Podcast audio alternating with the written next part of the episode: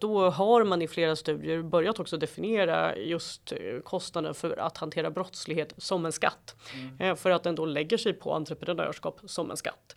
Eh, och den får ungefär samma effekter som om man höjer skatten väldigt mycket. Den gör att tillväxten blir lägre, man investerar inte och man urholkar dessutom de här institutionerna som är oerhört viktiga. Så man kan väl säga att den fungerar på liksom både det där tillväxthämmande sättet men också för att det, det som är nödvändigt för att företagandet ska fungera, vilket faktiskt är en stark rättsstat blir inte lika välfungerande som om det inte hade funnits den här typen av kriminalitet.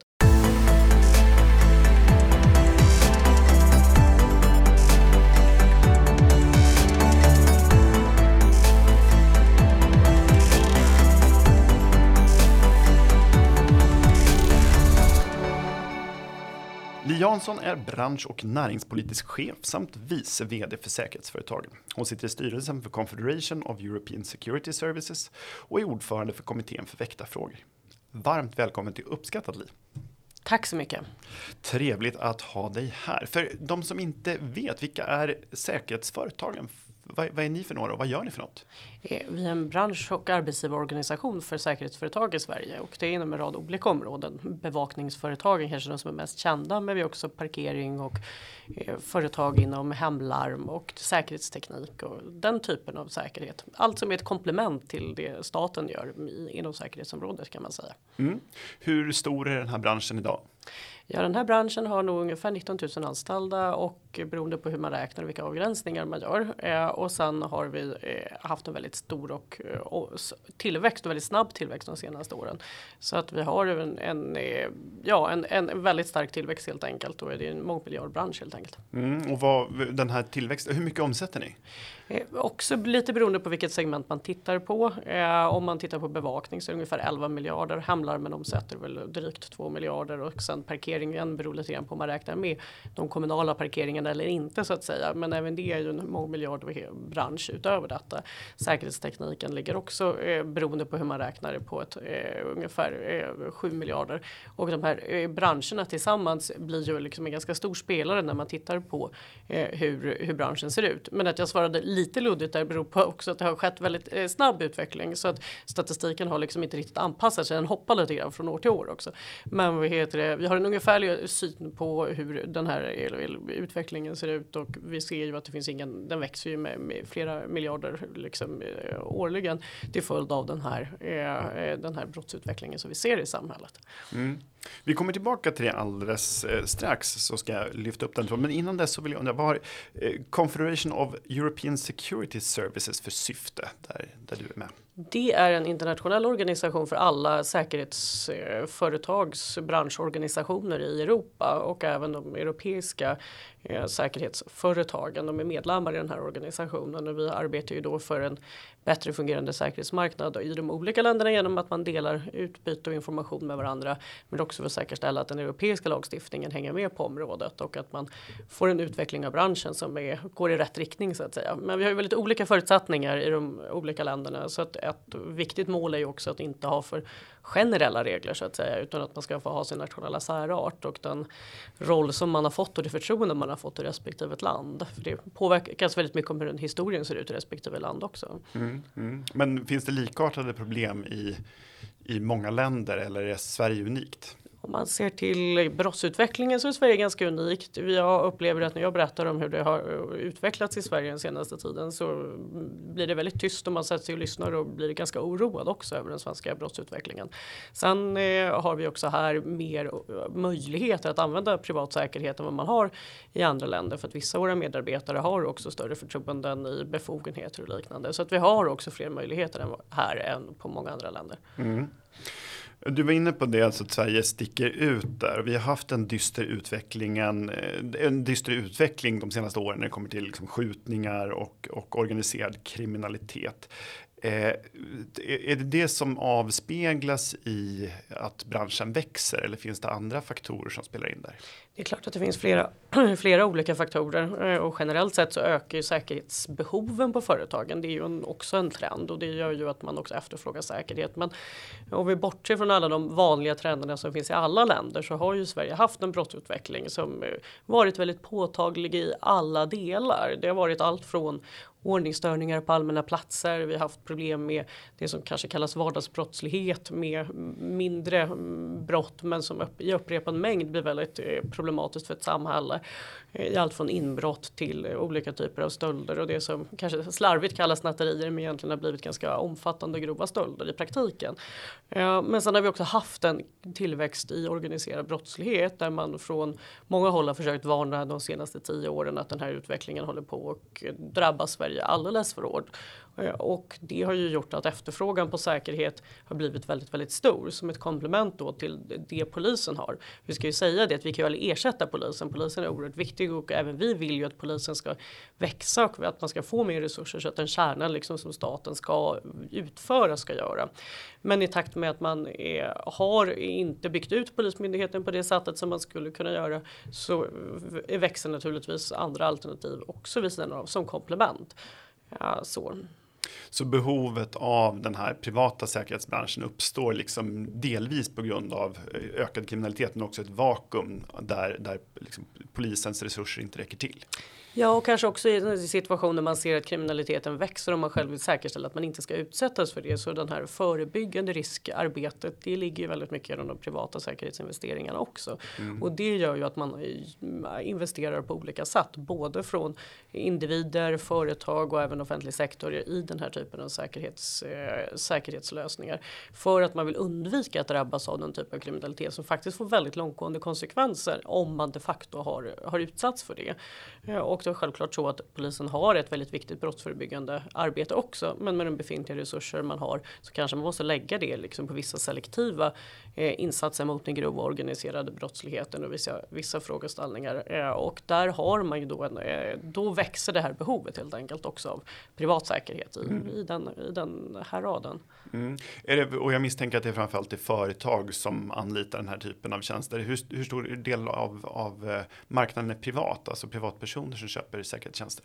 Mm, privatpersoner beror på hur man räknar så att säga. Men privatpersoner är ju de som då köper hemlarm kan man säga. Mm. Och där kan man ju se att båda eh, de två stora aktörerna och även några mindre larmaktörer har ju vuxit väldigt, väldigt snabbt på Eh, på marknaden den senaste tiden och ja, det kanske utgör 5% av marknaden. Eh, den, vad heter det, eh, den delen och sen så har vi ju då bevakningsdelen som där företag köper och där har man ungefär 85 av marknaden omsätter. Vad heter det utgörs då av liksom företagens köp av köp av säkerhet.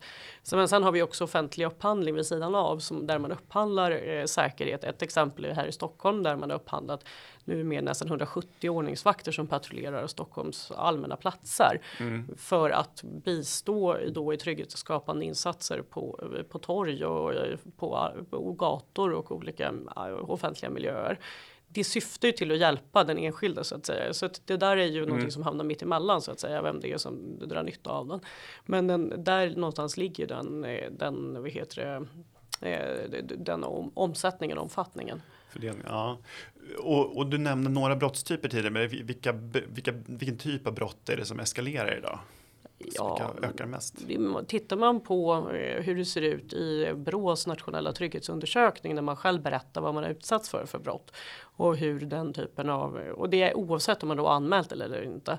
Då verkar ju alla brottskategorier öka.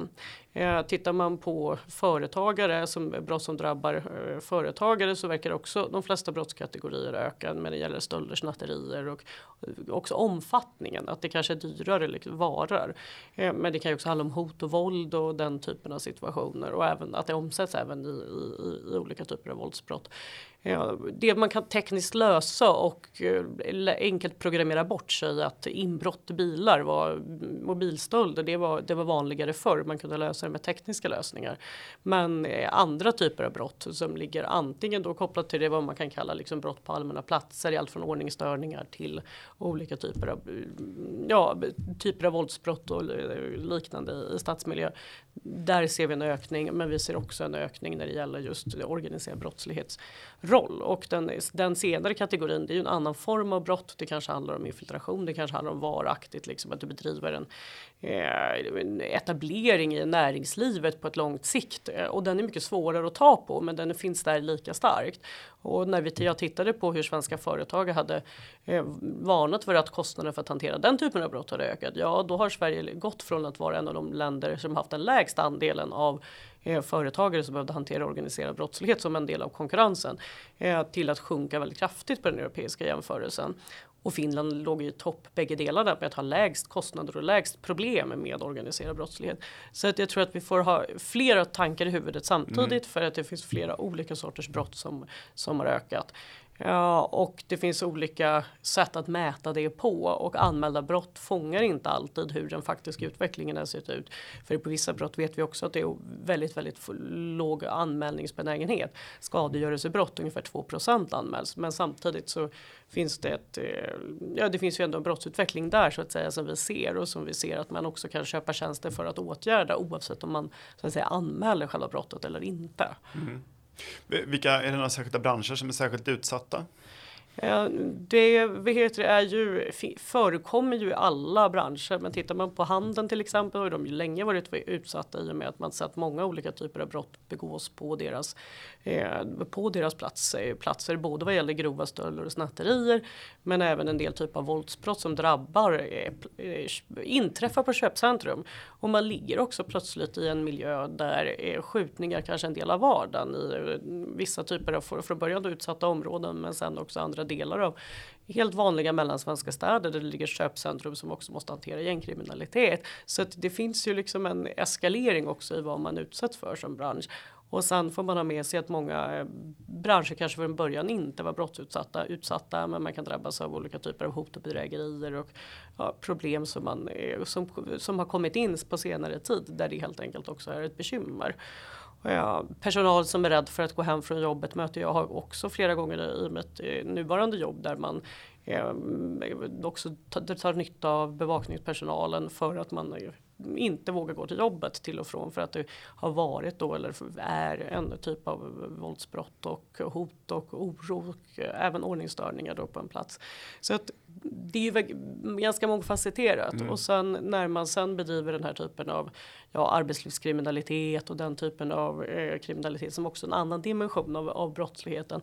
Ja, om man utgör en osund konkurrens då kan det påverka hela företagets vilja att eh, bedriva verksamhet när man utsätts för konkurrens av organiserad brottslighet och på, på, på olika sätt så kanske man vistas i den där gråzonen där en del blir brott, en del blir inte brott men sammantaget så innebär det en hotbild liksom mot, mot företaget som man, man kämpar emot och som man som helt vanlig företagare i många olika branscher kan drabbas av eh, över en natt så att säga. Och arbetslivskriminalitet, det är alltså kriminella för, företag som drivs av kriminella? Antar ja, exakt. Osund, precis. Osund konkurrens mm. och den typen av problematik. Eh, och de här går ju in i varandra så att säga. Det är mm. inte så enkelt att säga att det, det, det, det, det är helt olika problem. Men vi måste ta ett helhetsgrepp mot all typ av den här brottsutvecklingen för att lösa de bekymren som finns. Hur, finns det en uppskattning av hur, hur mycket det här kostar samhället? Vad kostar kriminaliteten Sverige? Vet ni det?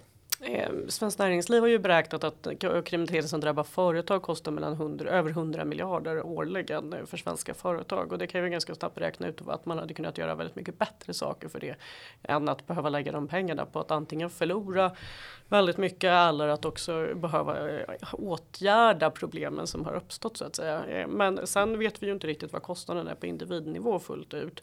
Ehm, men bara ett våldsbrott eh, får ju mot en enskild person finns ett working paper som visar att om en individ drabbas av, eh, av ett grovt våldsbrott som kräver sjukhusvård så förlorar man liksom en livsinkomst över många år senare för att man får utebliven arbetsinkomst och liknande. Så det finns ju oerhört stora förluster i att drabbas av brott och man har vissa börjat uppskatta det här på vissa sätt eh, och indikationer på hur mycket företagen betalar in indikator på att även individerna drabbas väldigt hårt Eh, och det handlar ju också om andra, det, nu har vi pratat företag och individer, men vi har ju civilsamhälle med olika eh, organisationer och eh, så som jag stött på som också drabbas av, av att ökad skadegörelse, ungdomsgäng som befinner sig i deras verksamhetslokaler och liknande. Så att vi har stora kostnader. Mm. Eh, så. Och en direktkostnad är ju såklart att man tvingas investera i privat säkerhet så att säga. Men man betalar ju också detta via skatte, skattesedeln på olika sätt och även via den här uteblivna kanske då tillväxten eller utvecklingen eller vad det nu är för någonting som skulle ha ägt rum som, som inte blev mm. uh, så och den uh, affärsmöjligheten som inte blev när, när kriminaliteten växer fram. Men är det inte värt att, att eh, starta företag, man lägger ner företaget eller, eller väljer att inte starta för att det helt enkelt är för en, en för eh, svår eller, eller utsatt sak att göra. Ja men precis och man kanske det, upprätthåller en del av företaget som tuffar på men man kanske inte hade möjlighet. Man kanske inte gjorde utbyggnaden av företaget Nej. eller man kanske inte gjorde det ena. Ja, och från Europa vet vi också att den, den typ av organiserad brottslighet som sen ger sig in i företagande, den är ju också ganska kreativ. Mm. Där såg jag en europeisk rapport när man hade gått in i förnyelsebar energi till exempel som ny sektor. Man går i Italien till regioner och ser att regioner med hög, höga företagsstöd får också en ökad form av kriminalitet på det här sättet. Det finns en, liksom, en negativt entreprenörskap där som plötsligt mm. kommer in på olika sätt och det är väl där man får ha ögonen med sig i sin egen vardag eh, och vara uppmärksam på att man kan få, kan få oanad konkurrens som man kanske inte vill ha. Just det, Nej, det, är, det är inte bara i Neapel och i Soprano som man ägnar sig åt, åt till exempel sophantering som, som är den traditionella eh, näringen utan det finns även i många andra branscher där det, inte minst där, där det förekommer eh, statligt eller offentligt stöd då, så, så ökar risken. Det är den italienska forskningens slutsats, ja. Mm. Och sen är ju vi naturligtvis inte Italien, men vi har ju fått en ökad problematik som Eh, definitivt gör att vi eh, ska vara oroliga fortfarande och som definitivt är viktiga att uppmärksamma. Eh, och vill man komma till rätta med det då måste vi ha det här breda perspektivet. Vi kan inte bara ägna oss åt enskilda brottskategorier eller bara titta på vissa delar av den här frågan eller bara se det som att det handlar om resursförstärkningar till polisen. Det är viktigt och det är superviktigt men vi måste ha hela rättskedjan med oss och vi måste ha hela perspektivet för att påverka det här i en mindre dålig riktning så att säga. Mm, ja, det finns, för det jag träffade här före för jul så träffade jag eh, Hanne Kjöller och pratade om hennes eh, handbok och där, där visar hon också att alltså, kriminella ser ju en möjlighet att, att tjäna pengar i alla möjliga olika typer av sektorer. Det kan, bidragsbrottslighet är ju en då, men den här typen av kriminell företagsverksamhet är då en annan. Det är inte bara rån utan man driver också företag eller söker offentliga medel eller bidrag. Då.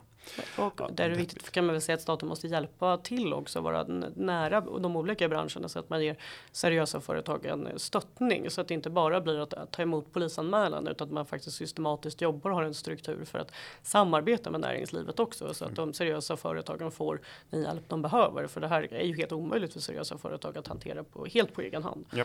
Eh, vi har ju pratat om den här frågan i andra sammanhang tidigare. Jag har ju beskrivit eh, eller brukar gillar uttrycket och prata om det här som en dold skatt det vill säga att företag och privatpersoner betalar, och då i Sverige, bland världens högsta skatter. Eh, och sen så eh, fallerar då i vissa fall kärnan av det offentligas service till, till medborgarna. Det vill säga att vi, det vi verkligen kan förvänta oss att det offentliga ska lösa, i det här fallet staten, det vill säga att ett skydd mot kriminalitet. Eh, gör man inte, utan sen får man betala för det en gång till. Eh, och det är klart att det är ett problem eh, om annan typ av offentlig verksamhet inte fungerar som kollektivtrafik istället. Men samhället faller ju inte isär för att du tvingas åka taxi eller promenera istället för att åka buss. Däremot så är det ju inte så roligt om, om rättsväsendet outsourcas eller privatiseras på något sätt egentligen. Och framförallt inte då när du får betala för det eh, två gånger. Jag vet inte, är det här ett begrepp som, som ni använder er av i, i debatten också? Ja, det är det. Och det kommer sig väl av att vi har också sett och tittade på Italien där vi hittade väldigt mycket forskning kopplat till vad som händer när kriminaliteten ökar och då har man i flera studier börjat också definiera just eh, kostnaden för att hantera brottslighet som en skatt. Mm. Eh, för att den då lägger sig på entreprenörskap som en skatt. Eh, och den får ungefär samma effekter som om man höjer skatten väldigt mycket. Den gör att tillväxten blir lägre, man investerar inte och man urholkar dessutom de här institutionerna som är oerhört viktiga. Så man kan väl säga att den fungerar på liksom både det där tillväxthämmande sättet men också för att det, det som är nödvändigt för att företagandet ska fungera, vilket faktiskt är en stark rättsstat, mm. blir inte lika väl fungerande som om det inte hade funnits den här typen av kriminalitet. Ja, och återigen så är ju Italien väldigt illa ute. Vi är inte ännu där, eh, men man kan ju fortfarande se de här tendenserna och särskilt när man från början har det här väldigt höga skattetrycket så krävs det inte så mycket för att det som också är de här gemensamt orsakade samhällsproblemen ska falla över och drabba alla så att säga och man, när man då tvingas betala för någonting som är orsakat eh, av ett samhällsproblem som mm. man själv inte som företagare eller individ har gjort någonting för att åstadkomma att det skulle bli på det sättet men ändå man ställs inför det faktum. Eh, och det också är så omfattande belopp det handlar om. Då blir det ju också en skatt eh, även ur ett svenskt perspektiv. Så att det är oerhört viktigt att ha det perspektivet med sig och särskilt om vi som jobbar med säkerhet måste tror jag också med sig det ödmjuka perspektivet att det ju de facto är en samhällsutveckling som har kommit utan att någon annan ville ha den. Eh, och det är inte så att alla vill investera i säkerhet utan man hade ju andra hellre gjort något annat för pengarna ja. så att säga. Det blir så ett nödvändigt ont så att ja. säga. Ja, och när vi pratar med varandra också i, inom branschen så förstår väldigt många det här perspektivet och man upplever liksom att det, det sätter fingret på någonting som har hänt. Ja, och då har man ju ju gjort det här och då, då syns det ju liksom inte riktigt alla totala kostnader kanske heller i statsbudgeten av de, de samhällsutveckling som har, har, har, har varit. Och sen är det också så att våra medlemmar, även fast vi jobbar med privat säkerhet, vi ser ju att man behöver investera i Polismyndigheten och vi ser ju att våra medarbetare är de som drabbas hårdast, kanske också på de platser där man inte heller investerar i polisen. För vi kan ju inte arbeta heller utan samarbete med polisen. Vi samverkar med polisen väldigt tätt och vi är ju ett komplement till en fungerande polis. Finns inte en fungerande polis så drabbas också mm, våra medlemsföretag och de lösningar som vi försöker eh, tillhandahålla så att säga. Så att det är oerhört viktigt att, man, att det här hänger ihop. Ja, men den där liksom skattefrågan blir då viktig om man tittar utifrån det här stora perspektivet. Hur vill vi att samhället då ändå ska vara? Ja, och det blir ju en dold skatt och det blir ett nytt sätt att kanske komma undan att visa Ja, man har varken höjt skatten då så att säga. Eller mm. men, men man har heller kanske inte tagit itu med, med grundproblemet. Och de som tvingas betala notan har inte orsakat problemet heller. Nej. Så att det är definitivt en, en utveckling att vara väldigt eh, observant på.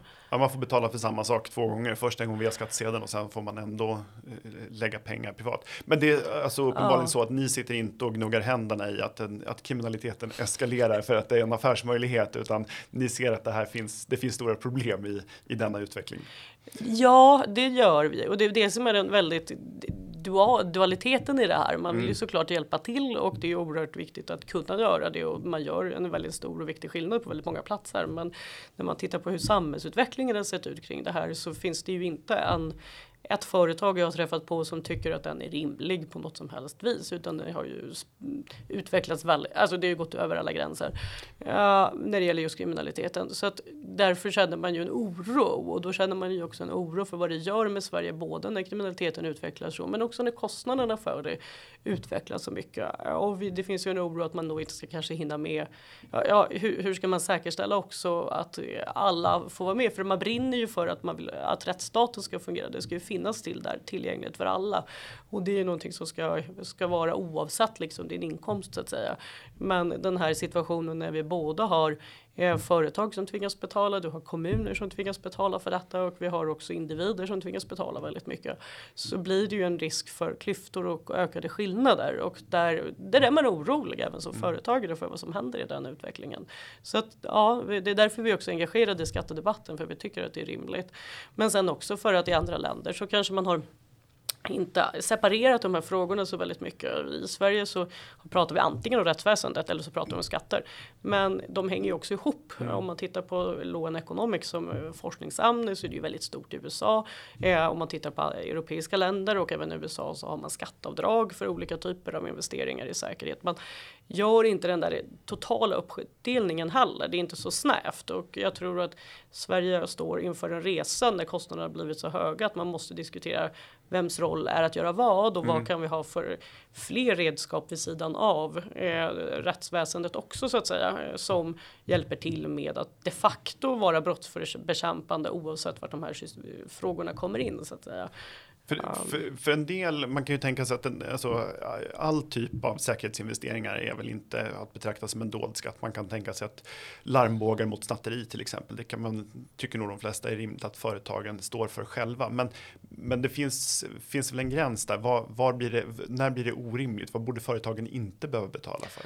Ja, men någonstans när man kan se det som indikator på, blir det alltså existentiellt för företagen, då tycker jag att vi har passerat över en ny gräns. Mm. Att säga. Och det där kan vara på olika sätt. Det finns ett liten eh, kiosk här nere vid eh, Sergels torg nära som de drabbas av snatterier för ungefär 400 000 kronor per år. Mm. Är då snatteri ett enkelt brott? Är det här existentiellt? Är det rimligt att det ska vara på det här sättet? De betalar naturligtvis för säkerhet också för att de måste ha någon som kommer och de har larm och de har olika grejer. Eh, ja, grundinvesteringen eh, är absolut deras ansvar, men det har eskalerat på ett sätt som gör att det är ändå ganska orimligt att den här samhällsutvecklingen har gått åt det här hållet. Så att det finns väl någonstans där mm. när det börjar bli Ja, men hur mycket ska det bli? Hur mycket det ska bli det? Så att ja, den där det där extra som kommer av att man kanske inte har hanterat en grundbrottslighet i, i grunden och inte har tillräckligt eh, ordning och reda i, eh, i, i de här typen av insatser i, i, grunden så att säga. Och den här typen av företag drabbas ju då också av att samma gärningsman kan släppas ut hur, regelmässigt och de kan göra nya och samma brott igen mot samma företag. Så att då drabbas man också av någon slags ineffektivitet i rättsväsendet som man själv inte har vad heter det, orsakat och då behöver man fortsatt liksom investera i den här typen av säkerhet för att hantera. Det har ju pratats om tillträdesförbud, alltså att man ska få stänga av personer från eh, till exempel butiker. Va? Eh, är det här någonting som du tror kommer att hjälpa? Det är möjligt. Det finns ju någon, det har ju kommit någonting på området. Vi har inte utvärderat och se, sett det i praktiken. Det är möjligt. Och samtidigt så tror jag att man måste se hela rättsväsendets eh, effektivitet i det också. För det handlar också om strafflängder och det handlar också om hur man, eh, vilken, vilken typ av system som vi har generellt sett kopplat till, till den typen av brott. Ja, men eh, rättsväsendet, så, så det alla de förändringarna och förbättringarna måste ju göras. Man måste hantera kostnaderna, men man måste ha ett helhetsperspektiv så att säga. Ja, och polisen kanske inte, det är inte bara polisens ansvar att hur det systemet ser ut, utan det handlar också om straffskärpningar och liknande som, som ligger någon annanstans. Ja, och det är ett, som en ögonblicksbild så av en, eh, en liksom, eh, frågeställning. Men det finns såklart, finns såklart fler. Eh, säg då att man, eh, det får vi hoppas att, de, att, vi kommer till rätta med de här problemen på, på några års sikt. Men under en övergångsperiod, vad, vad kan din bransch underlätta och hjälpa till med? Så finns det fler saker ni skulle kunna ta er an från säkerhetsbranschens sida? Ja, tittar vi på nuläget så kan man ju hjälpa till ganska mycket utan även vid svåra situationer med ganska enkla åtgärder. Det är inte alltid det behöver vara väldigt eh, avancerade insatser utan att få närvaro på plats av både teknik och uh, ordningsvakter till exempel eller väktare eh, kan göra väldigt stor skillnad. Mm. Och när jag nämnde tidigare de här ordningsvakterna som patrullerar på de allmänna platserna. Vi ser ju att det har bidragit till att minska ner eh, problematiken. Men sen det vi jobbar väldigt intensivt med är också att öka samverkan mellan den privata säkerheten och eh, Polismyndigheten och där är det också oerhört viktigt att näringslivet lokalt är engagerad också så att man får en bra samverkan. Och där, de platserna där man har startat en sån samverkan på så har man lyckats reducera kriminaliteten ganska kraftigt. Eh, Rinkeby tunnelbanestation till exempel så har eh, man gått från att ha, man kunde inte jobba där överhuvudtaget och Eh, man hade aktiv narkotikaförsäljning och det var en oerhört brottutsatt plats. Eh, men efter att polisen eh, införde ett nytt arbetssätt där man också tätt samarbetar med ordningsvakter så har, eh, och även samverkar med lokalsamhället så har narkotikaförsäljningen helt försvunnit där, därifrån och då kan man använda torget och de här platserna på ett annat sätt. Så det går ju att göra, om, men det förutsätter också en samverkan och att man jobbar ihop. Eh, sen framåt så ligger det bland annat en ordningsvaktsutredning med ny ordningsvaktslag där man föreslår transporter av omhändertagna eh, personer eh, och det vore ju ett sätt att ordningsvakter skulle kunna hjälpa till också att, att, att avlasta polisen så de frigör mer tid. Men sen ur ett skatteperspektiv så har vi också diskuterat för skulle man inte införa ett bättre avdrag för trygghetsrut än vad det som finns idag för idag får du inte anlita eh, auktoriserade bevakningsföretag för det eh, utan du får bara anlita eh, det som inte auktoriserat vilket vi tror inte är bra och ställer oss väldigt frågande till. Andra länder har den typen av avdrag. Det kanske också vore möjligt i Sverige. Men det finns flera olika frågeställningar i det som man måste utreda innan vi kan säga exakt hur de ska se ut. Så att man får titta lite grann. Mm. Så. Men där någonstans finns det möjligheter i alla fall.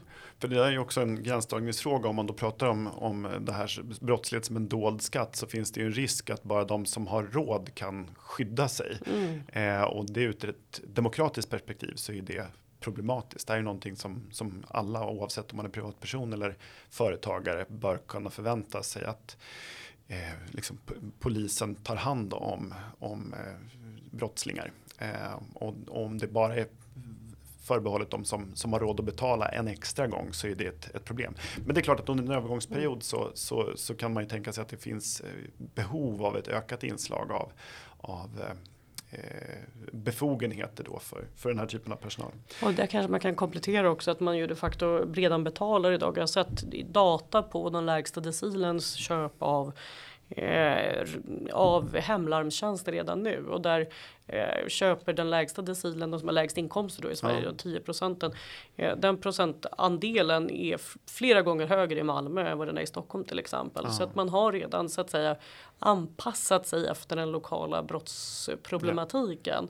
Ja. och också på många utsatta adresser så kan hemlarmen ibland också vara ett sätt att bo kvar också. Så att mm. det är också viktigt att komma ihåg att den de facto redan är, det är många som tvingas lägga en proportionerligt väldigt stor del av sin inkomst på det här för att hantera den kriminalitet som finns i ens vardag så att säga. Plus att du får, liksom, du får sämre tillgång till service i närheten av dig om butiker lägger ner eller om mm. det är mm. mycket snatterier så blir priserna till slut högre eller du får, när, när, när butiken får investera i, i säkerhetslösningar så, så kommer mm. priset på varorna att höjas och det kommer att drabba då kanske i ännu högre utsträckning då de, om man bor i ett utsatt område. Ja men exakt och då kanske det är rimligare att sätta tak på skatteavdrag så att de höginkomsttagarna då som inte behöver kanske skatteavdraget får det då men att det, man ändå ser att det finns en det, det finns en det finns ett det finns ett behov i alla fall där. Mm. Ja, och sen kan man väl också säga att vi länge drivit just frågan om en vi kallar trygghetsmiljard då men eh, att man ändå måste ta ett statligt ansvar för finansieringen och likvärdigheten över landet eftersom det också handlar om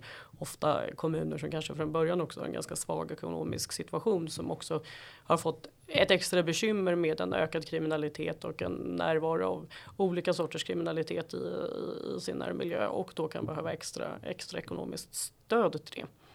Eh, diskuteras de här frågorna tillräckligt mycket i, i, förekommer de tillräckligt ofta i den politiska debatten då? Det är ett ganska stort fokus på kriminalitet, men pratar man mycket om säkerhetsfrågorna? Märker ni att det finns ett ökat gehör från politiskt håll för, för era ståndpunkter? Jo, men det har absolut hänt de senaste åren och vi har haft den här statliga utredningen som har tittat på vissa delar av lagstiftningen och vi märker att det finns ett ja, man har båda kanske accepterat att vi existerar oavsett vad man tycker om det och man är intresserad av att eh, en, göra saker på området.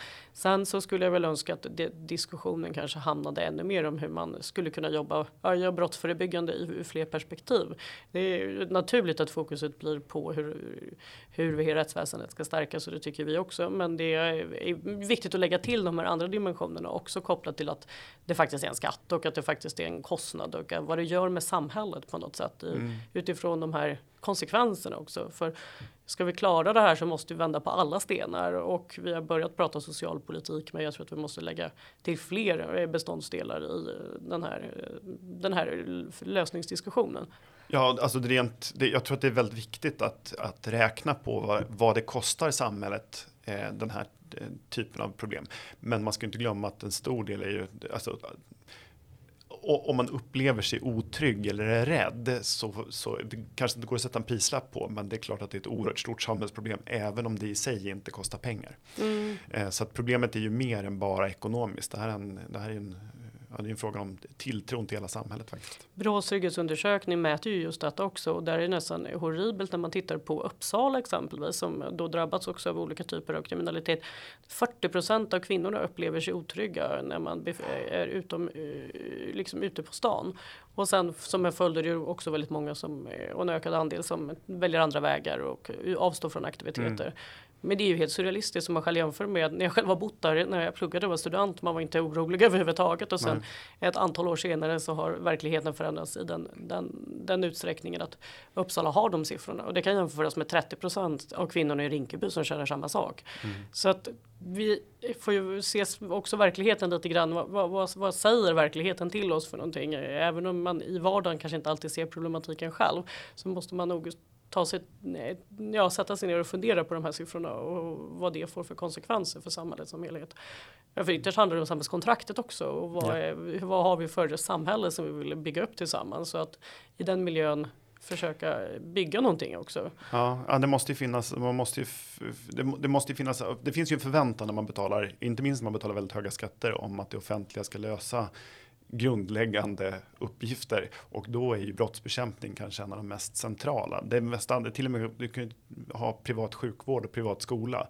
Eh, men du kan liksom inte ha privat rättsskipning. Det är väldigt, väldigt farligt för ett samhälle. Det är väldigt dåligt, det vill vi inte ha. Eh, om man inte är mycket anarkistiskt lagd då, så är det här ett, ett, väldigt, väldigt stort problem. Det mesta andra går ju faktiskt att lösa, eh, även om oavsett om man önskar det eller inte. Men, men just rättsskipning tror jag att det finns en eh, väldigt stor enighet om att det måste vara det offentligas uppgift. Eh, men vilka reformer är det ni saknar? Vad skulle behövas? Alltså det är klart att jag förstår att, man behöver, att vi behöver fler poliser på sikt, men det kommer man ju inte trolla fram i en handvändning. Vad, vad, vad finns det för andra åtgärder som ni vill se? Nej, och där tror jag man kommer behöva jobba väldigt mycket mer med vad vi har för resurser här och nu och samverkan var ju en sak, men sen behöver man ju också låta polisen få ännu mer möjlighet att använda det kameror och den typen av teknik för att också eh, arbeta brottsförebyggande.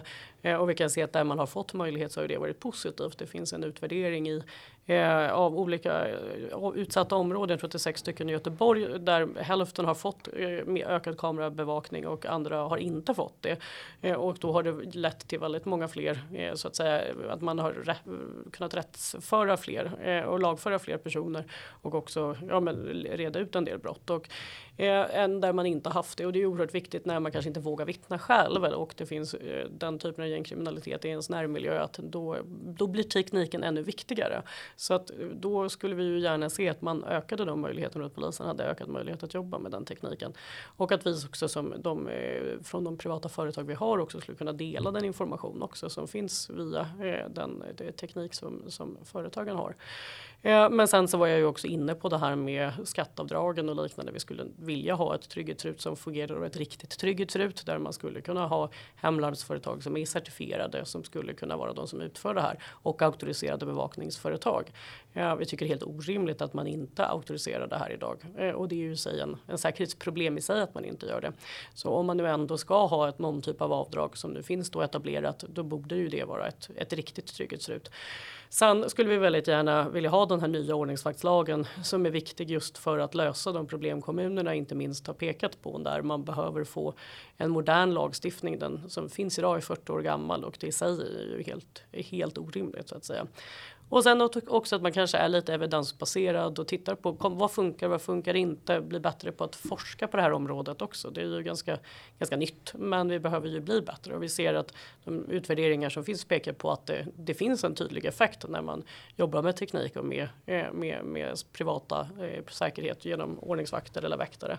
Men vi behöver bli ännu bättre på att, på att forska ännu mer på hur effekterna ser ut och vart de uppstår och sen på det här området som alla andra styra resurserna dit de de facto har effekt och lägga ner det som ifall någonting inte fungerar. Det tror jag är det viktigaste. Mm. Eh, hur är det nu? Nu är de här frågorna i liksom fokalpunkten för svensk politisk debatt. Det pratas väldigt mycket om kriminalitet och så där. Men eh, det här nymornade intresset för de här frågorna. ser du framför dig att vi kommer nu gå mot ljusare tider och att vi eh, att när kriminaliteten kommer, att gängen kommer att knäckas eller är det här ett nytt normaltillstånd för de kommande åren? Då tror jag att jag vill ge två svar på den frågan och de pekar lite i olika riktning. Jag tror att jag om fem sex år borde man ha kunnat göra tillräckligt mycket för att brotten på allmänna platser som gäller eh, kombinationen av ordningsstörningar och vissa typer av så, brottskategorier, eh, rån och eh, personrån och stölder och snatterier. Det tror jag man kan hantera och ganska med relativt enkla medel åtgärda och även med olika bättre samverkansformer och ja, men en kombination av en förstärkning av rättsväsendet och eh, även ja, bättre eh, samarbetsformer och insatser från polisens sida så tror jag att det går att göra för att vi kan se vissa platser blir ändå blir ändå bättre. Men sen den andra delen, den som kommer ifrån organiserad brottslighet och det hotet, det har vi faktiskt inte haft på det här sättet. Och var det någonting vi lärde oss från 90-talet var att den organiserade brottsligheten dog inte. Redan då var den större i Sverige än i andra länder. Ja, den var kanske, eh, fann, och den, den, blev kvar och sen har det tillkommit andra problem, andra typer av nätverk. Amir Rostami som är forskare har sammanställt att det finns ungefär 15 000 individer som är eh, medlemmar i någon typ av maffia, mc-gäng eller annan typ av nätverk. Det finns ju olika gäng, gatugäng och andra, andra sorters organiserad brottslighet. Ja, och de här personerna är redan idag till väldigt hög utsträckning när det gäller mc-gängen och maffian involverade i företagande. De andra har en annan profil men utgör ju ett stort problem på gator och torg.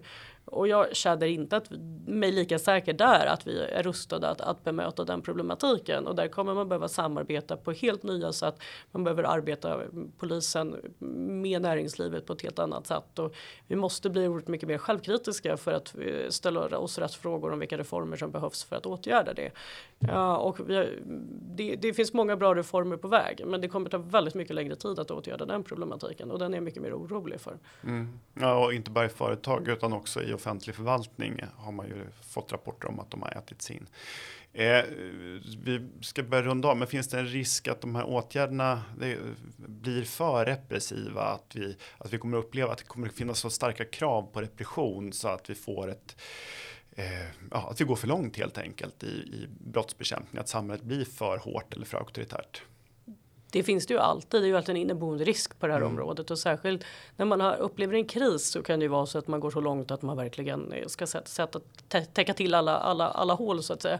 Så att jag tror att det är oerhört viktigt att vara medveten om den risken och att säkerställa att det blir man får inte förlora liksom den individuella friheten för det är fortfarande det vi är där för att skydda så att säga mm. oavsett om det handlar om polisen eller om det handlar om den liksom, personer som är politiskt engagerade eller om det handlar om här, säkerhet. Vi vill ju fortfarande individens frihet ska vara så stor som möjligt ja, och inte maximera nödvändigtvis den repressiva delen. Men eh, hittar man rätt balans så tror jag att man fortfarande kan expandera rättsstaten mycket mer än vad man har gjort idag och fortfarande behålla eh, den här friheten och även stärka den även ytterligare utifrån att eh, ja, ur ett juridiskt perspektiv. Mm. Det, det, tror jag definitivt är möjligt.